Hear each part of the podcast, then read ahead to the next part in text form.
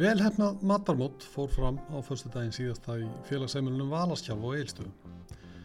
Þánga var komið áhuga fólk um mat, smáframleðendur, stórframleðendur, sérfræðingar, veitingafólk, kjörni fulltrúar og hvaðina. Öll voru þarna saman komin til að kynna sér matvæla framleðslu á Östurlandi og líkt og í fyrra, en þetta er í annarsinn sem matarmót mataröðs Östurlands er haldið, kemur það mörgum á óvart að sjá hvað þessi geiri er levandi og fjölbreytur í okkar annars litla samfélagi. Og þráttir smæð samfélagsins eru matvæla framleiðendur ekkert síður að sjá hvað aðrir eru að gera um leið og þeir sína sína eigin framleiðslu. Ég heiti Jón Knútur og hef umsjón með hlavarpun okkar. Ég var á matamóttinu og það hófst með málstofum um hátegi og ég tók umsjón á fólk málstofan að tali en þetta voru í engri sérstakri röð. Yngibjörg Haldóstóttir settur framkvæmtastjóri Vatnajökulsþjóðgars sem fjallaðum sjábæra nýtingu í Vatnajökulsþjóðgarði. Sveit Markirsson framkvæmtastjóri Sveit Markirsson framkvæmtastjóri nýsköpunar og lofslagsmála hjá Brim sem gerði tilvun til að svara því hvort nýsköpun geti stutt við uppbyggingu ringrásar hagkerfis á Östurlandi. Þórildur Marja Jónsdóttir, verkefnastjóri, saði frá vörusmiðu Biopól á Skagaströnd. Hafliði Haldásson, verkefnastjóri á markaðsviði bændasamtakana, fjallaðin um upprunamerkingar íslenskara matvæla. Þau munu öll kynna sig hér á eftir en við skulum byrja á að hlýða á viðtal sem ég tók við Ólaf Örn Steinunar Ólafsson, matreyslumeistara í Reykjavík og yfirskrift málstofunar hans var Stólin rababari bragðast best, en ekki hvað. Stólin rababari bragðast best, hvað áttu þið? Þetta er sko bara þegar ég var krakki í sveit og hodnafyrði hjá ömmu minni þá fekk maður rababara sem var alveg góður. En þegar maður stalst í rababaragarðin þá var hann betri. Það er einhver svona forbóðið við það sko og það er að hérna, laumast í, í eitthvað sem maður má kannski ekki. Þá verður það að sæta það sko Og þetta er yfirskriftin á málstofu sem þú ert að fara að halda hérna á, á matar, uh, matamóti Mataröðs Östurlands. Hvernig tengist þetta svona þínum skilabóðum inn á þetta hennar bund? Sko það sem að, ég, ætla svolítið að tala um er svona kannski vannýtt ráöfni eins og rababari til dæmis sannarlega er. Rababari vex hérna út um allt land. Hvert einasta hérna, hvert einasta eðbílu, hvert einasta bondabæ og í veist, bænum líka í Vassmýrinni í Vesturbænum er rababara út um allt sem er lítið nýttur. Og á sama tíma erum við að flytja inn fullt af rababara frá Európu, frá Hollandi. Og veitingafólk er að kaupa ringi bara í sinn græmiðsbyrgja og einu rababara sem mögulegur er innflutur þannig að það er svolítið þessi vingil sem ég vil taka. Rababarinn er kannski meira bara svona einhver, einhver takmynd fyrir einhver annað en það er þetta, erum við að sækja vatni yfir lækin og af hverju erum við að sækja vatni yfir lækin og þurfum við þess? Það er svona pælingin sko. Þekkir þú vel til hérna fyrir austan? Nei, ég gerði það náttúrulega ekki. Þó ég sé hérna ég ætti mín að rekja til hodnafjörðar uh, Nei, ég þekki mig ekki. Og kom yngan okkur sunnum með þetta. Eh, maður ímynda sér að sóknarfærin sé nú talsverð hérna fyrir austan með einmitt ráefni í þessum landsluta sem er auðlindaríkur? 100% og ég hef verið að kaupa þú veist ég hef veslað með við Vallanes bara síðan að þau urðu til og margt sem er að koma hérna er mjög spennandi og skemmtileg og endalust tækifæri. Ég er saman því, það er alveg fullt sko. Er er kannski bara, ég veit ekki hvort þetta er áttum ekki aðeins hvort þetta er gáðuleg spurning sko, en er, er, er staðbundið bragð, er það staðrind? Mm, já, já, það er það uh, staðbundið og ástíðabundið við tökum bara til dæmis eins og hérna, eitt sem er mér hjartansmál það er smjör allt smjör á landinu fer í eina hít og svo búið búið til smjör Ég er nokkuð vissum að smjör á Austurlandi bræðast allt öðru í seldunum smjör á vestfjörðum. Sérst mjölk er öðru í svo bræðið. En þessi er öllu blanda saman og það finnst mér að við mögum aðeins taka líka og skoða af hverju erum að því, af hverju hérna, viljum við hafa einhvað uniform bræðið af öllu meðan við gætum verið að huga betur að svona smáframlýslu og, og hérna Já, og, og svona staðböndnum, hvað heitir það, identity einhvern veginn, sko.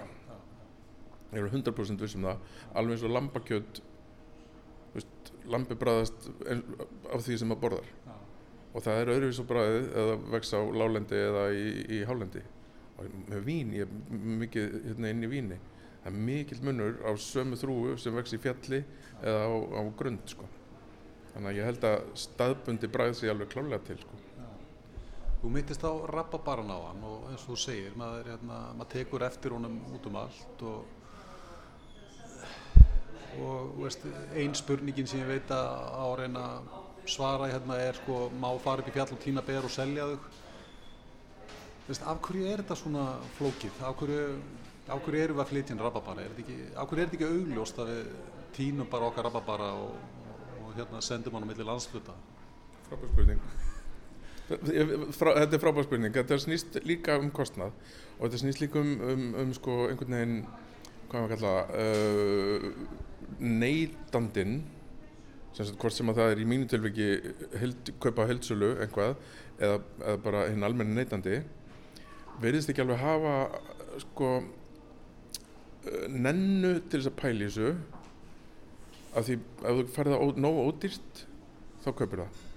Og það er bæði í veitingabransanum og allstaðar þú ert ekki, fólk er ekki nógu mikið að einblýna á að handgert gæti mögulega verið betra heldur en versmiðu framleitt og ég held að þar liggi hundurinn svolítið grafin er að sko, þessi súpumarkasvæðing sem hefur orðið á undanförnum ég veit ekki hvað, 20 árum eitthvað hún meðar öll í, í, í sömu átt einhvern veginn að við hérna allt þarf að vera ódýrt og hagkvæmt og, og hérna unnið stórum stíl sem að kemur alltaf niður á gæðum og við sem neytendur þurfum bara aðeins að líti okkur bara einn barm og hugsa gætu við mögulega verið tilbúin til þess að borga aðeins meira fyrir handgjara vöru sem að brennur þá beint til einhver sem er að búina til frekar heldur inn í einhvað, einhver risafyrirtæki. Og tilfinningin sem maður hefur er að, að þetta sé svona viðþórsbreyting sem við tala um sko, og hún sé það sé hérna hillu undir hana allan að finnst manni sjálfum gaman að fara á veitingastað og þjóðminn segir manni að herru þetta kjött hérna, það, var, það kemur hérna á nærumkörinu og þessi ber voru týnt hérna. Já og þessi breyting er miklu meira að verða út á landi heldur en í Reykjavík. Af því þar er massin svo rosalegur. Hérna getur líka verið í sambandi við þú veist, bánda þú þekkir hann bara. Við þekkjum enga bændur í Reykjavík við erum, við erum að taka í gegn alveg rosalegt magna af gestum og óbúslegt magna af, af veitingastöðum. Við náum ekki þessum persónulegu tengslum nema við séum í einhverjum svona svakalegum fíneríum skilur og dulleri, high-end veitingastöðum. Þeir hafa tíma til þess að gera þetta. Hinni sem eru í grændinu þeir hafa bara ekki tíma til þess að gera þetta. Þeir þurfa bara að ringja eitt símtal og panta allt græmiti og það þarf bara að koma frá einu stað. Þannig að kannski þarf líka svolítið að auka úrvalið fyrir okkur sem erum í massanum af því þetta er miklu öðuldur út á landi. Sjá bara eins og fisk, ég er ekki fiskiveitingastæðir ekki veik uh, nú er síldavertið nýlokið. Ég er búinn að reyna að fá síld að kaupa 10 kíló hér og 10 kíló þar af feskri síld til þess að fá inn. Ég hef ekki anþá fengið hana. Það er vegna þess að enginn ennir að vesla við mig af því ég vesla ekki veist ég, ég er ekki að fara á fiskmarkaðin og kaupa 10 kíló síld skilur þannig að þetta er svona hlutur sem að þarf aðeins líka að opna. Að við getum við veiðum alls konar kvikindi hérna en eina sem við sjáum á veitingastöðum er sko langa og, þoskur og bleikjan og lags sem eru eldis. En við erum að fá alls konar kvikindi upp úr sjónum sem eru seld dýrundómum til útlanda í stórum stíl. Herru, þú ert að fara á málstofu Kæra þakki fyrir spjallið Ólaf, gangið þið vel. Já, takk fyrir. Herði, ég heiti Hafliði Haldarsson og er eh, verkefnastjóri á markasviði bændasamtakana. Eh, Þú varst að stjórna málstofi hér á, á matamótinu. Hvað hérna hvað, í hverju fólst þitt innlegg? Ég uh, fjallaði um upprunamerkingar íslenska matvæla og svona, og svona kannski gældi við hugmyndunum hvernig við getum aukið virði okkar afurða. Og, uh, og svona til að gera langasögu stutta þá, þá að mínu viti þá hafa Íslendinga verið lélegir í því að, verja það sem er okkar og, og kannski hafa stolt fyrir því að við eigum ákveðin hráefni og hefðir og, og, og vörur sem, að, uh, sem er okkur mikilvæg og gott dæmi er kannski svo grein sem ég starfa eh, hvað mest í, landbúnaðurinn og, og hérna og, og ef við þrengið það niður þá til dæmis lambakjötið að það er selt eh, án upprunamerkinga. Þa, það er að segja að neytandi getur ekki valið að greiða meira fyrir vöru sem er frá uh, ákveðnum bónda eða ákveðnum landsvæði og svo framvegis. Uh, og það það er ókostur því að fyrir vikið þá er allt sett í saman flokk og allt jafn verðmætt eða verð lítið eftir atveikum og það vantar alltaf aðgreiningu á markaðin uh, þegar að svona er farið með vöru. Uh, og Íslandingar hafa ekki varið sínar afvörðir og það er kannski gott dæmi sem var mikið rætt fyrir nokkrum árum síðan þegar að þegar var farið í útrás með skýrið að uh, það voru það voru gerð að mínu viti mistök þar að, að verja ekki heitið skýr uh, og á það var bent uh, af mörgum áður en að menn fóru í sjálf ótrásuna að það hefði borgað sig að verja nafnið skýr með evróskri upprunavottun sem sagt Protected Designation of Origin sem er á til dæmis vörum sem við bara finnum út í næstu búð einfluttum evróskum ostum, parmaskingunni kampavínið uh, og fleira og fleira. Og í Evrópu þá skilar þessi uh, vottun því að, að þetta er rauninni, þetta er rauninni ver frumframleðandan uh, sem framleiði vöruna og þá þær afröstuðar sem að vinna vöruna fyrir bara svindli, matarsvindli.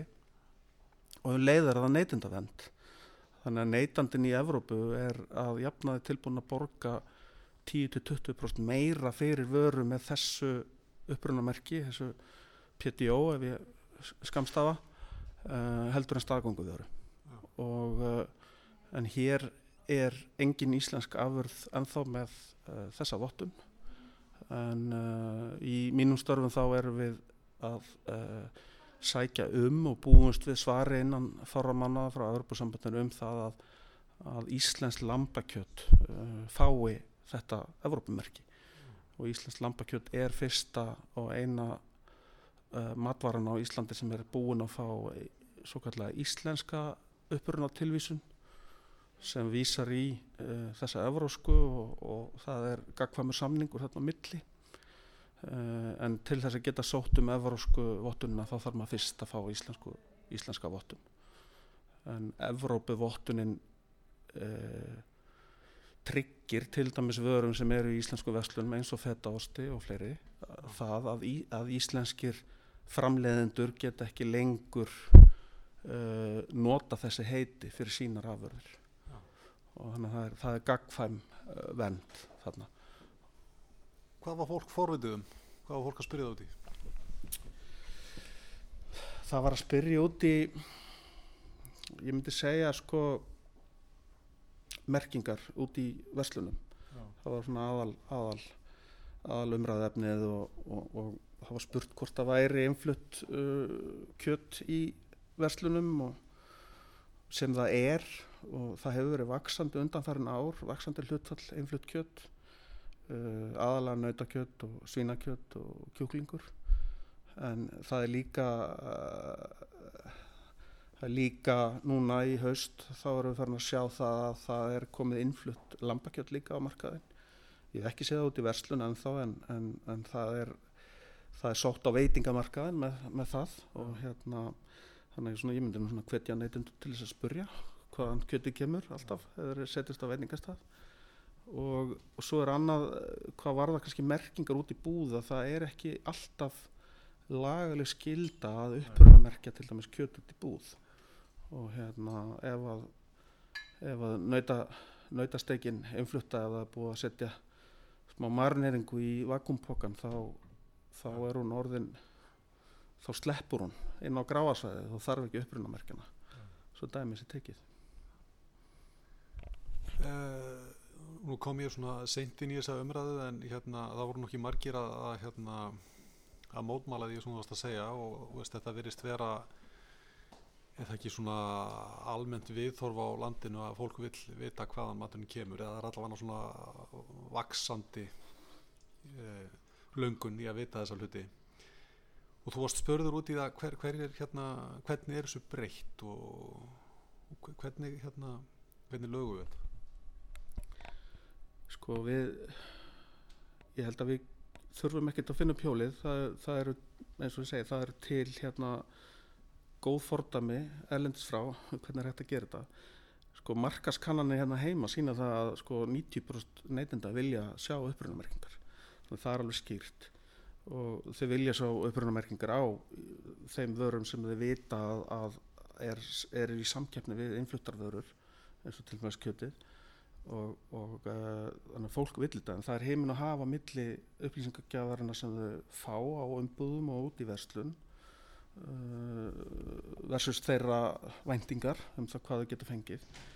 Uh, þannig að upprunamerkingar eins og Íslands lambakjöt getur hjálpað og bændasamtökin eru núna svona nýbyrjuð með nýtt upprunamerki sem að sem að tekur mið af eða er rauninni bara tekur algjörlega mið af góðum sannrendum skandinaviskum fordamum og merkið heitir Íslands staðfest og það byggir á merkjum í uh, Finnlandi sem heitir Gott frá Finnland í Norri heitir það Nýtt Norge og í Svíþjóð heitir það Frón Sverige og öll þessi merk stýðast í sama staðalinn og við rauninni uh, tökum bara upp sama staðalinn og í samstarfi við þessi merki þá uh, teljum við okkur geta unnið á neyðindamarkanum uh, með bara sannreinda aðferð.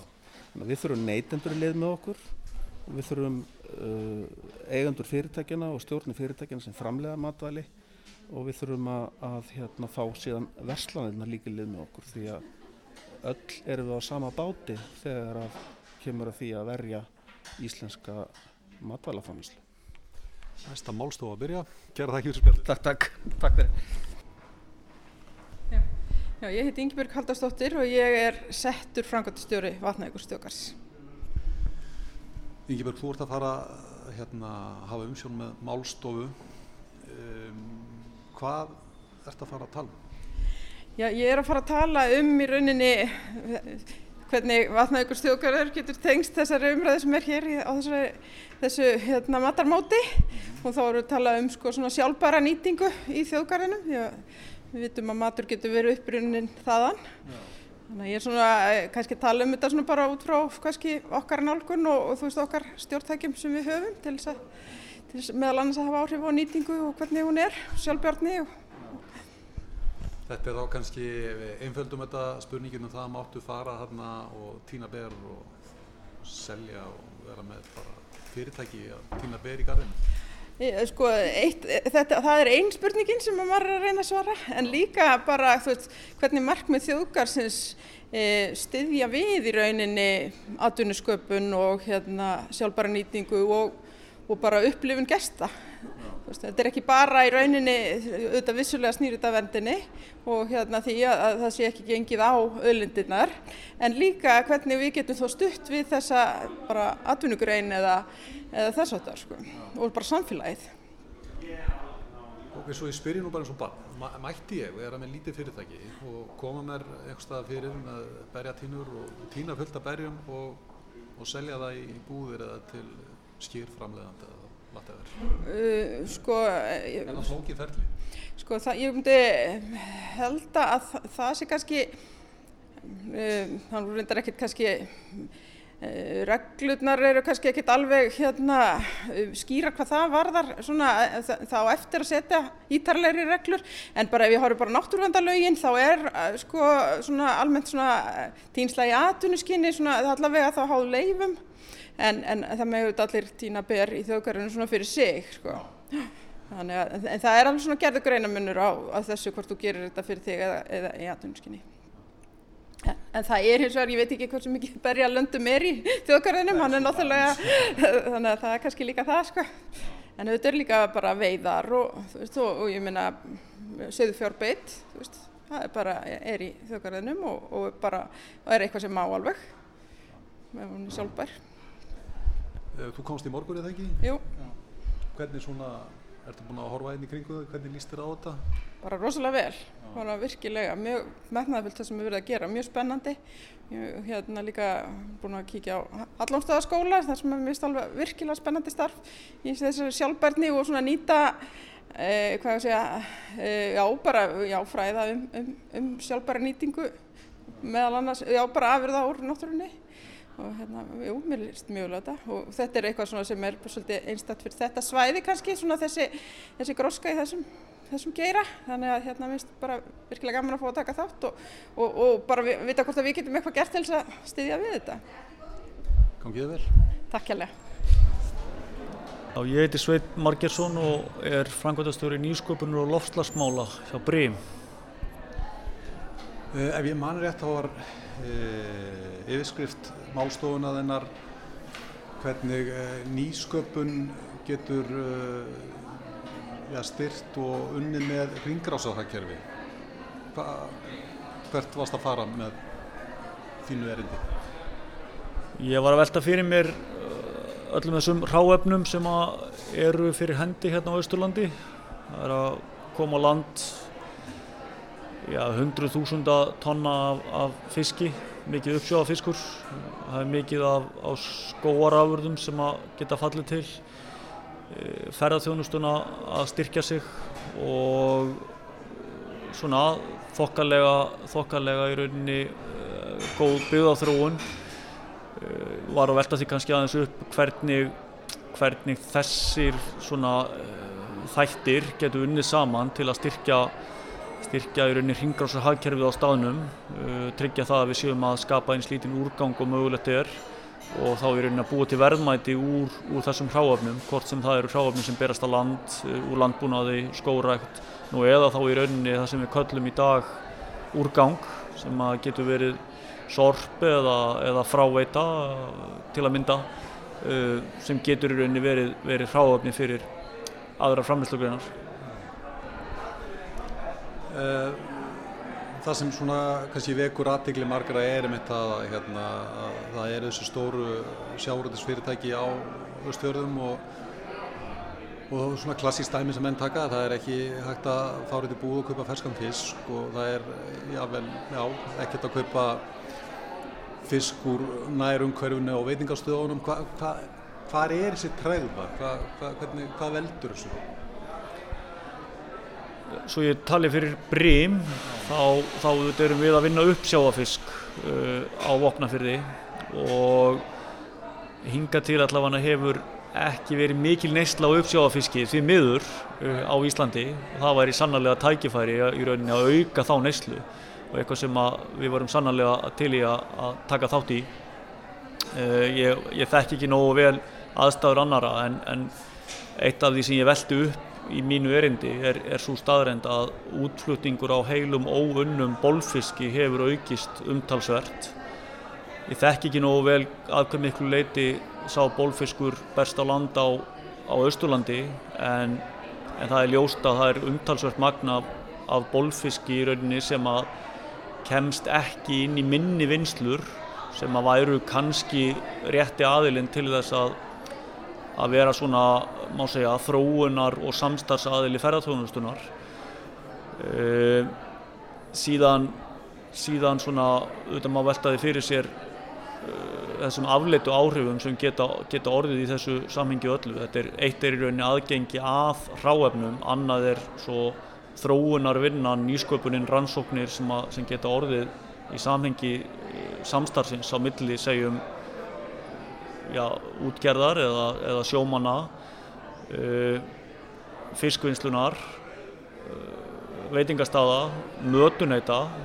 Nú eru mötuneiti talsveit stór á, á svæðinu og hægt að sjá fyrir sér að, að við byggjum hringrásar hagkerfi með því að, að nýta bæði fisk sem berst að landi en, en líka, líka kjöt auðvitað og, og aðrar bara afurður sem, að, sem verða til hérna á svæðinu. Já, ég verð nú eiginlega að spyrja það út í þetta því að þú hérna, minnist á þetta sjálfur með uppsjáfisk eins og loðinu og þeir sem hafa smakkað brasað á loðinu þetta, þetta er algjört selgeti. Hvað? Ég var að tala við hérna eh, einn áðan sem fór að tala um hvernig humar var að nota þessum beita og menn tók þetta ekki alvarlega sem fæðu. Hvað? Hvernig koma menn, gera menn hérna loðinu að salgjera mat á Íslandi? Já, þetta er mjög góð spurning og mjög mikilvæg spurning. Það má segja að fjárfestingar síðustu ára í meðferð á hráefni séu ákveðin grunnur. Ef þú hefði spurt þessar spurningar fyrir tíu árum síðan þá hefði kannski mátt segja að það væri, hefði eiginlega ekki verið hægt. Því við vorum ekki að kæla hráefnin nógu vel og, og í rauninni var, uh, voru veiðarnar miðaðar mikið að fiskmjölsframleðslu. Í dag höfum við möguleika vegna þess að við höfum náða fjárfesta í, í öflugum skipum, öflugu kælikerfi þá höfum við reyni möguleika til þess að nýta meira til manneldisvinnslu heldur en áður.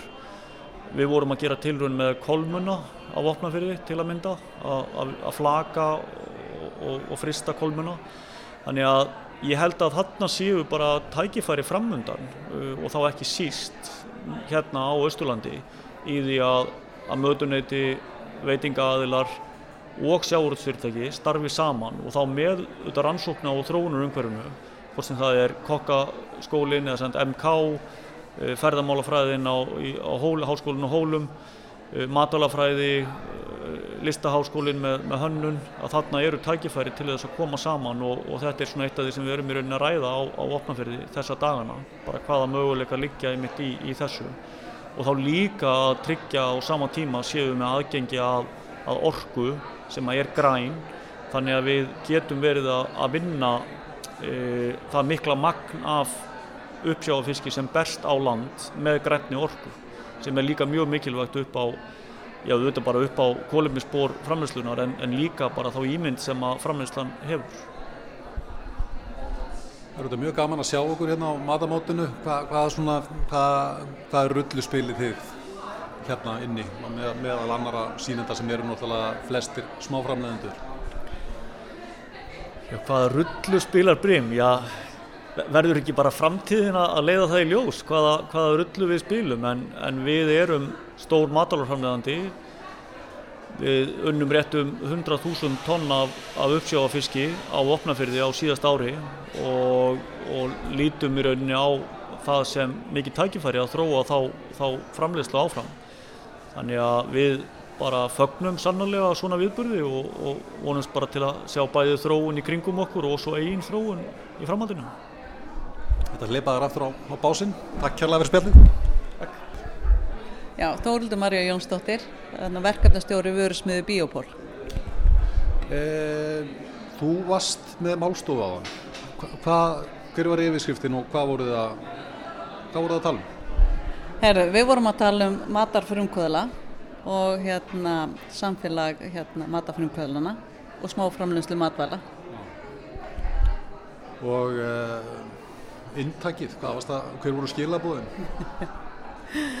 þraut segja, úttalt. Nei, nei, hérna, við erum náttúrulega búin á hérna, Skagaströnd að vinna með matafrumkvöðlum senustu fimm ár og hérna, vildum bara deila þeirri reynslu. Þannig að hérna, segja frá því hvað hefur gengið vel hjá okkur til þess að aðri geti lerta. Hvað hefur gengið vel? Uh, Vörusmiða Biopól sem er votta vinslurými fyrir smáframlegendur Þar geta hérna framleiðendur leikt sér daga, þurfa í raun og veru ekki að fara, fara út í það að fjárfesta í hérna, aðstöðu. Áður en þeir pröfa að þróa vöru og komin á marka, þeir geta byrjað þessi skrefað að, hérna, að, að máta sér við markaðinn. Þegar þið farið í slíka uppbyggingu, var, var, var, var, þetta, þörfin aðkallandi? Finnur þið til dæmis þegar þú ert hér fyrir austan að við séum á einhverjum sveipuðum slóðum og þið voruð fyrir nokkrum árum? Já sko, hérna, það er nú mikill kraftur hérna fyrir austan og hérna framlöndur hérna fyrir austan eru mjög hérna duglegir og sínilegir í, í, hérna, á Norrlandi vestra þá hérna, má kannski segja að Skagafjörður hafi verið svolítið svona komin á undan í þessari hugsun veist, í framleiðslu og svo leiðis en það vantaði hérna, klárlega svona hérna, sameigilegan flöt að, hérna, að íta undir þetta. Og fyrst þegar við byrjum þá vorum við ekkert rosalega mörg sem að hérna, nýttum þessa, þessa aðstöðu. En á þessum fimm árum hefur það alveg markfaldast. Hvað, hvað er það sem fólk, er fólk bara að kveikja á tækifærinu að þetta sé yfirleitt hægt eða erum við að lifa einhverja breyta tíma þess en þetta er bara meira þykir ekkert tiltöku mál að fara í þessu konar smáframleyslu? Já, ég, það, það er, hérna, hérna, hvað maður að segja, það er, það er mikið skref að fara í smáframlæslu. Ég held að þetta hafi freka verið það sem hefur verið kníjandi fyrir fólk að taka þessu ákvörðun að fara í framlæslu. Þetta voru fyrst hjá okkur mestmægni spændur og þeir voru náttúrulega bara að koma til þess að, að auka verðmæti frum framlæsluna sinnar. Þannig að það var kannski frekar það sem ítti þeim svolítið í það að, að, að koma og og hérna, búa til verðmættin alla leið gera vörur úr frumframstöðinu sinni. Getur nefnt eitthvað verkefni á Norðvesturlandi sem hafa svona sprungið út? Byrjað hefur ykkur? Já, já, hérna, til dæmis bíl smáframleganda já, sem er ótrúlega skemmtilegt verkefni og hérna hefur marg, marg, mörg element í sér að bæði að kynna framlösluna sem er á svæðinu og og hérna, eigur aðgengi að vörum smáframleganda og, og virkilega væri gaman að sjá það verkefni hérna, bara vika meira út bara á landsvísu. Því að ég held að það sé það sem er oft mjög erfitt er að, að nálgast þessa vörur sem að hérna, smáframlendur er að búa til. Af því þeir eru ekki í almennir dreifingu.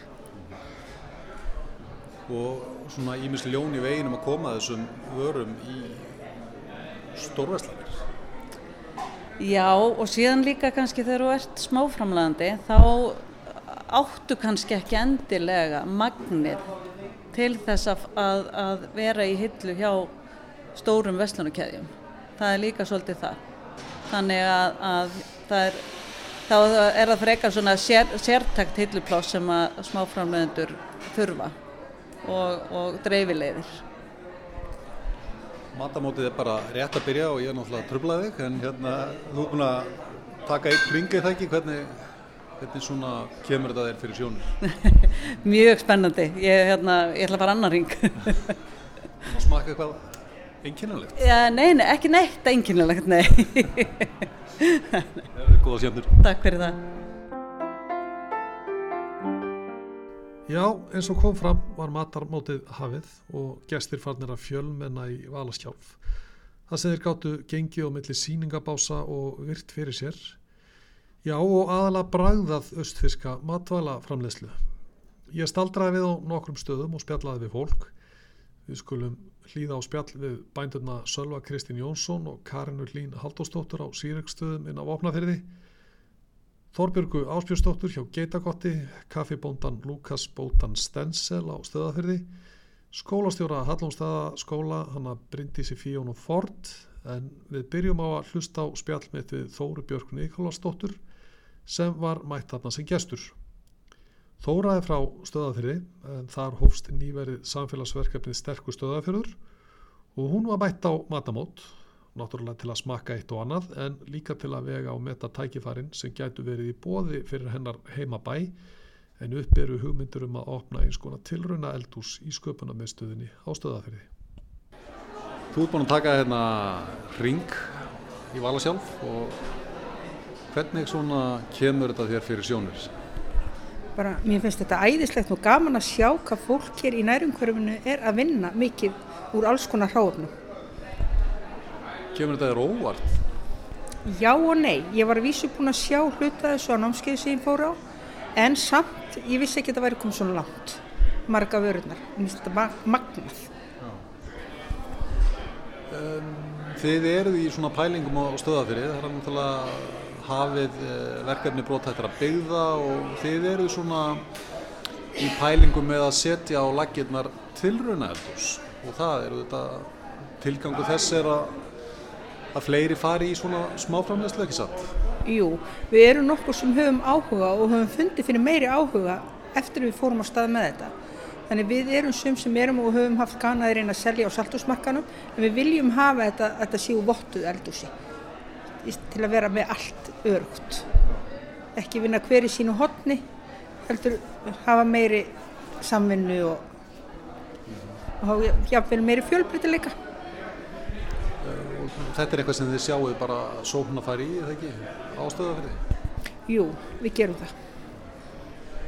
Er flókimál að setja upp tilhörna eldurs? Já, svona þegar maður fyrir að kynna sér það þá er þetta ekki alveg kasta fram úr erminni en við erum höfum áhuga og vonum að þetta gangi upp. Hva, hvar eru þið stödd í þessu ferli? Er þið ennþá að skoða þetta eða eru þið að leita fjármagni? Það er búið að teikna rými í húsinu, nú á bara eftir að teikna upp eldúsið. Þið eru að horfa á sköpunum í staðan? Já, við erum á sko. Það er að mér, að ég held 60 fermetra rými sem við getum eftir umræða og ég er bara mjög spennt fyrir þessu. Hvað sjáu þið fyrir ykkur? Að, að hérna, þetta vöru þróun eða verður þetta staður þar sem verður hægt að klára dæmið og pakka því bara og gera allt á einum stað? Hanna, hanna pakningarnar? Og... Já, bara allt á einu stað. Bara klára frá upphæðu til enda. Það sem ég, allavega sé ég það þannig. Ég ætla að hleypa þér aftur inn á matamótið, ertu búin að smakka allt? Ég mikið er ég búin að smakka, mikið hryllilega er þetta allt gott. Þetta er bara salgæti. Ég er bara að mæla með að fólk komi hingað næsta ári ef þetta verður. Þetta er alveg þess virði.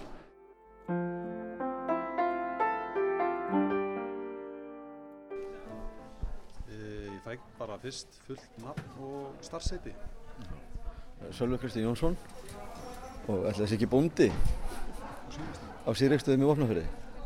Karin Lín Aldsdóttir og ég er líka bóndi og, og við erum eigandur náttúrulega að ferða þjónustunum síreikstöðum líka. Hvað eru þið að gera á matamóti Matarðis Östurhast 2022? Við erum komið með vörun okkar sem er grafið erfili og, og hangikjött sem við, við gerum sjálf og erfili gröfum við sjálf líka. Ásamt ímsum fleiri sem við gerum, við bara völdum þetta úr til að koma með og, og kynna og, og leifa öðrum að smakka og njóta. Svo erum við að selja líka marinerað ærfili, nei hérna lambafili og svo sögum við frampartin í grill og höfum verið að selja það í, í hérna köptúni á Opnafjörði við veturinn. Hefur svona viðbörur einhverja þýðingu fyrir ykkur? Skiptir þetta máli? Vonandi, við erum að koma í fyrst skipti og við höfum alltaf farið á eins og mannamót fyrir sunnan. Það er, hefur alveg verið að skilja sér. Þannig að vonandi, ég hef trú á því að það muni gera það. Er þið með væntingar um að þetta skilja Um, einhver ákveðinu? Ekki beint, líka bara að efla tengslanetið, hitta aðra sem eru hérna á, á Östurlandi og vera í svipuðum hugleðingum og við. Og Eru smáframleiðendur á Östurlandi vitaðir af hverjar? Mm, Kannski- já, kannski ekki nógu mikið. ég en- veit örglega ekki en- um alla, en ég veit um marga Já, og mér finnst það hafa verið svona aukning á samvinnu að sem að sérst, veitingastæðir á Austurlandi eru farin að taka mat úr héraði og eru að reyna að nota hann sem er náttúrulega bara frábært. Við hefum verið náttúrulega bara með okkar veru og svo hefur við verið að taka til dæmis bjór og, og áfengi frá borgarvinni og þau við okkur hafa verið að taka inn á selin hjá sér vörur frá okkur þannig að vonandi er þetta eitthvað sem að áttur að aukast bara líka og með þessu náttúrulega erum við að vita meira hvort öðru og tengjast. Þetta er svona kannski augljása dæmið um samvinnu hér á svæðinu að, hérna, að veitingastæðinir fái ráefni úr nær umhverfun. alveg klárlega og ég held að þetta er eftir að styrkja okkur sem samfélag líka á Östurlandi að, að fá þessa samfunnu og nýta það sem er á svæðinu. Við þurfum ekki að fara yfir lækinn til þess að, að hérna, fá gott ráðefni. Þannig að, að eins og við völdum það að taka bjórin og, og víni frá KHB Brukkús og það hefur verið mjög vinsalt hjá okkur í sumar. Þannig að ég held að við þurfum ekkert alltaf að leita langt skemmtilegra fyrir ferðamannið eða ekki? Sko, hann sækist í þetta. Hann vill fá lokal og bara eins og þegar að í sumar að við erum með sílungamatselum hjá okkur sem er vettur í vatni rétt hjá okkur af nágranna bónd okkar, eða nágranna okkar og fólki fannst alveg geggja að hann kom með sílungin í flakaðan, hann fór beint á pönnuna og beint inn í sall. Hann kom ekki inn í svona ískáp. Nei. og líka fá svona viltan sílung það er svo víða sem það er alltaf eldis, eldislags eða sílungur en við viljum það ekki við, að því við getum haft þetta að þá er þetta að við höldum náttúrulega miklu betri vara kæra þakki fyrir spjallið og gangi ykkur vel í dag. Takk. Takk sem leiðis. Má ég kannski bara stila þér í spjall? Já, já. Ah. E, fullt nafn og starfseti? Þorbjörg Ásprísdóttir, heiti ég, eh, er bóndi, þróskaþjálfi, óstakjæðamaður og ýmislegt svona fleira. Og þú ert hérna með... Ég er með Geitagott. Hvað er það? Geitagott er sem sagt lítið fyrirtæki sem framleiðir vörur úr geitamjölk. Og eins og er það eru við að framleiða skýr uh, og svona fetost í þreymur útfæslum pluss svona bara reynan, fólk getur líka fengið bara reynd. Og hérna næstu sumar þá fer á stað uh, jógurt og kannski eitthvað þeirra. Ok, e, þú er reyla fyrir hérna, hvernig ægslast þetta að þú fer að, skoða þetta sem ráefni? Geitur, er ekki, alveg vennuleg. Nei, þú veist, ég kefti mig geitur bara því mér er alltaf langur til að eiga geitur. Það byrjar þannig. En svo að því ég er bóndi, þú veist, bændur eiga rosa elfitt með að vega gæludýr. Þeir fara alltaf að velta í fyrir sér hvað þeir geta látið dý- nýtja dýrið. Það er svolítið í hérna, þú veist þess að þannig. Þá fór þessi pæling á stað. Þú veist, ok, getum við farað að mjólka. Við erum svo sem búið þetta oft í huga áður en þú veist, þá vorum við ekki að hugsa þetta svona. Þannig að hérna, við fórum bara að afla okkur uppsinga og fórum í erfstað að tala við Þorgrím og hann breynd okkur sem aldrei fyrr og hérna, hann svo letum við bara í að fara að prófa og, og svo les. Svo þróaðist það bara þannig að gera þetta áfram. Okkur líka þetta vel og svo les. Og ef maður skora, skoðar upp í starra samengi, menn eru út um allan heimann, nýtti geitur, Já, en við höfum ekki gert það. mjög lítið. Við veistum náttúrulega, það búið að mjólka geitur í mörg ára á hérna Háafelli í, í Borgarferði og við fengum leiði á sama tíma við og brúnastæðir í fljótum þau hafa verið að mjólka og framlega líka ásta úr hérna getamjólk. Þannig að við erum orðin þrjú sem erum að reyna að gera eitthvað í þessu. Hvernig gengur? Herðu, eins og í legasú, það er bara svo leys, jú, það gengur bara ótrúlega vel. Það selst allt, það er bara selst allt sem ég get framleitt, þannig að það er svolítið, ég er svolítið þar. Sem er dásan. Það er tveir veitingastæðir á Austurlandi sem eru með þetta, eitt veitingastæður í Reykjavík hefur keift af mér og svo fer þetta bara til einstaklinga sem senda mig bara skilabóð og ég græða þetta fyrir þá.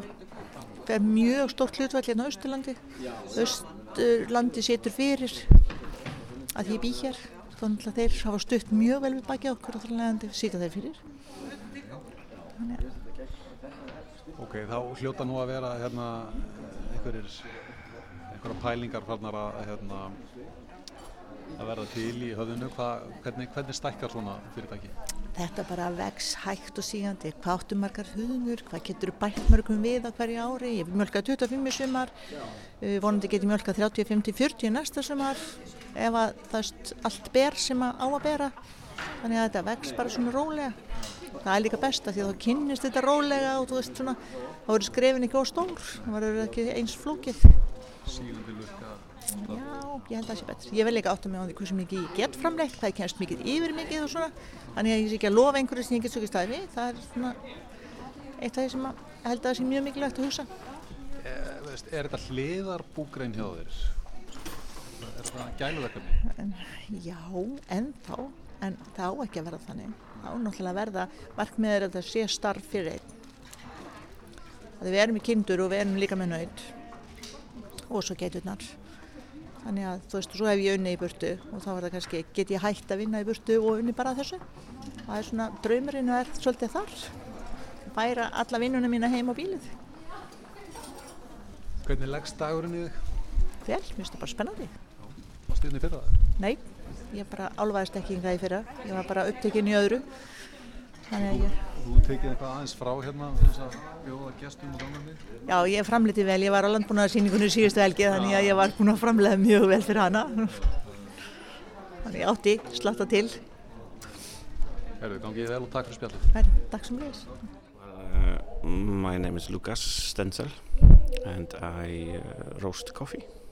So I, I, I import coffee, green beans, and then I roast it in Stöðafjörður. That's such a, an interesting thing.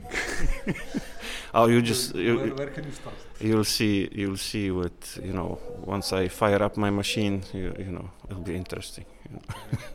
it's uh, yeah. I'm doing something you know like dramatic today type of you know coffee, which is a siphon uh, coffee making. It looks really cool. You'll you'll see. But uh, tell me a bit about how this happened. Uh, you mean me roasting or? Yeah. Well, so how are you here in Iceland? How are you here in Österland? So actually, uh, the whole roasting thing comes like so I'm from Poland, and the whole roasting uh, adventure starts when I'm a kid. You know, like in Poland, my grandfather was like a, uh, what do you call it? Like a train station uh, story, and it was communism, and uh, you know, like they were uh, importing basically all sorts of stuff through with trains. And like once in a while he pulled a bag of coffee of green beans just from the train. And it was always roasted in the oven you know at my home you know like green beans and you know the smell was amazing.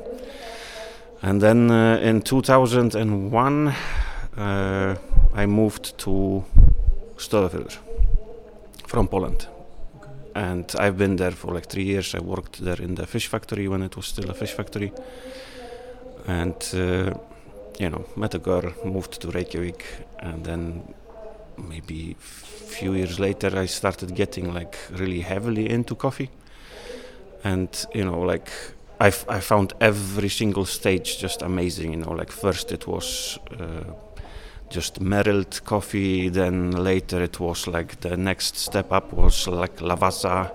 Then I discovered Cafe Tower and Teo Cafe.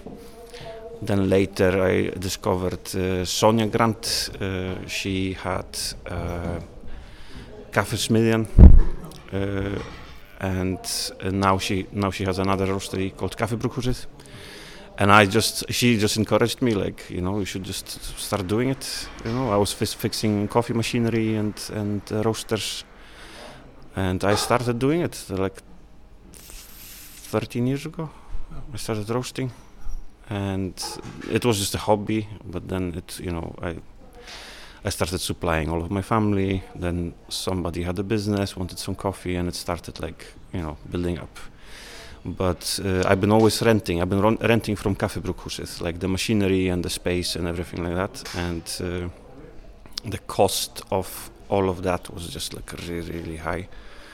So, uh, and I've been always, since I left Stafjörður, I was on my way back to Stafjörður. Like for the 17 years that I have been in Reykjavik, I always I've been on my way. But you know, then life happened. You know, like three kids and you know, went all this kind of stuff. But then we made a jump. Me and my uh, girlfriend, we made a jump, and uh, we bought a house off of my mother that lives in Reykjavik. Uh, and I, we just moved everything. I bought like a really old, uh, really old roaster from uh, Reykjavik Roasters, and uh, yeah, and now I'm here.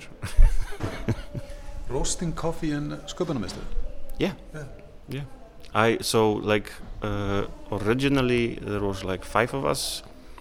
Uh, they were gonna tear down the the fish factory, yeah. but we we proposed them that we are gonna buy it and, and transform it. So we bought it uh, for like I don't remember. It was like one krona or something like that. You know, like a symbolic you know type of thing.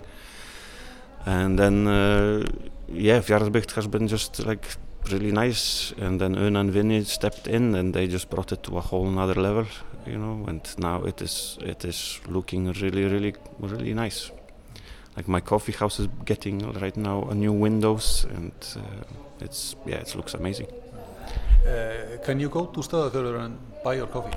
um, you can.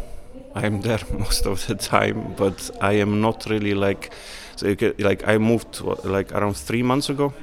And setting everything up is taking really slowly like especially because of the lack of funds. It takes a really really long time you know to set up. But yeah you can like obviously come and you know buy there's always coffee on the shelf you know so you can come and buy. Yeah. Do we have a master plan? Ah, yeah. no. You want to share it? no, it's not really like I just want to. Yeah, it's just you know like I've been roasting like high quality you know arabica beans you know and uh, when you like to be honest, coffee on Iceland is pretty decent everywhere. Uh, but you know, I want to bring it to a whole new kind of level. You know, like everybody is in, you know, into wine and beer. You know, because it has this extra benefit of, you know, getting you drunk. But you know, coffee has extra benefit as well, like waking up. Yeah. But uh, I just want to bring the quality. You know, it's like it's very much with the flavor of coffee. Like when you roast it for a long time, which most of the people do, then you lose all of the kind of characteristics of coffee. Like you have coffee from Africa, and most of the coffee, most of African coffees are like very, you know, fruity and uh, acidic. You know, like uh, then you have coffees from Colombia that are like more chocolatey and, you know, I'm talking about this very subjective type of thing. You know, like the what you taste in it but yeah generally it's like that you know. Brazilian is like a nuts you know flavor to it and and uh, people don't even know about it you know. Like you kind of have to put it side by side for people to to discover this like well okay there's a little bit more than caffeine to the coffee you know. And that's pretty much yeah that's pretty much it. I, i'm not planning on being you know cafe tower or teo coffee i'm just i just i want to stay small and uh, you know live uh, stress free that's why Stöðafjörður you know. Stress free. Uh, so you contain your coffee drinking? You drink? oh no I am absolutely immune you know like to caffeine effects it's like yeah it doesn't I can I can drink coffee and go to sleep right after you know it's like that's that's what I'm telling people. Just drink a lot of coffee and you will not have this problem that you cannot fall asleep just need to build immunity you know? Well, have fun today and thanks for speaking to me. yeah thanks. Jæja, góður hlustendur, þá var þessari heimsó á matarmótið að ljúka. En við getum ekki hætt nema að spjalla aðeins við manneskjuna sem hefur stýrt og skipulagt matarmótið fyrir hönd okkar hjá Östubrú en það er hún Halldóra Dröfn Hafþórsdóttir. Hvernig gengur? Heyrðu, þetta gengur svo vel að ég er allsæl. Það er bara mjög góð mæting, uh, fjölbreyttar málstofur búin að vera í dag og ég finna á fólki að það er einhver svona vakning í gangi. Fólk er átt að segja á því að, að hérna, tækifærin eru óþrótandi og ef við hjálpumst að og vinnum saman að þá er okkur allir vegir færir. Þetta er í annað sinn sem uh, matarmót er haldið hér í Vala sjálf. Uh, Akkurju var ákveðið að gera þetta aftur? Um, það er náttúrulega mjög mikilvægt við erum að starta nýju verkefnum að fylgja þeim eftir og uh, þetta gekk það vel í fyrra að okkur fannst náttúrulega bara engin ástæð til annars en að halda þetta aftur og það var líka bara, um, já við fengum bara mjög jákvæð viðbröð við viðbröðum í fyrra og fólk kallaði eftir því að þetta yrði haldið aftur og margir sem komst ekki fyrra sáu að, að þetta var góður vettfangur fyrir fólk til að kynnast og, og mynda tengsl og, og kölluðu bara eftir ef við myndum endur taka leikin. Þetta er náttúrulega svona snögt á litið. Þá er þetta, eru smá framleiðendur og framleiðendur hérna á Östurlandi að, að sína sig og sjá aðra en veist, hver, hver er tilgangurum þessu? Fyrst og fremst að mynda þessi tengsl á milli þeirra sem framlega vörnar og þeim sem eru síðan að framreiða og selja. Og þegar ég tek við verkefninu Mataröður Östurlands 2019 að þá var þetta ákall mjög stert að fólki fannst vanta tengingarnar á milli og ég held að þetta sé alveg frábær vettvangur til þess að, að mynda þær og það er svona fyrst og fremst uh, tilgangurinn en síðan finnst mér bara að við vera núna að vika þetta svolítið út af því við erum farin að fræða meira, við erum farin að fá uh, fólk sem setur stefnur og, og stýrir ákveðnum verkefni eins og til dæmis vatnaugustjóðgarði þannig að við erum að, að stækka verkefnið og bara auka tækifærin og möguleikana. Og uh, verður þetta endur tekið ári? Að sjálfsögðu, ég er strax farin að laka til. Þá segjum við þetta gott, við heyrumst þetta fljótlega, takk og bless.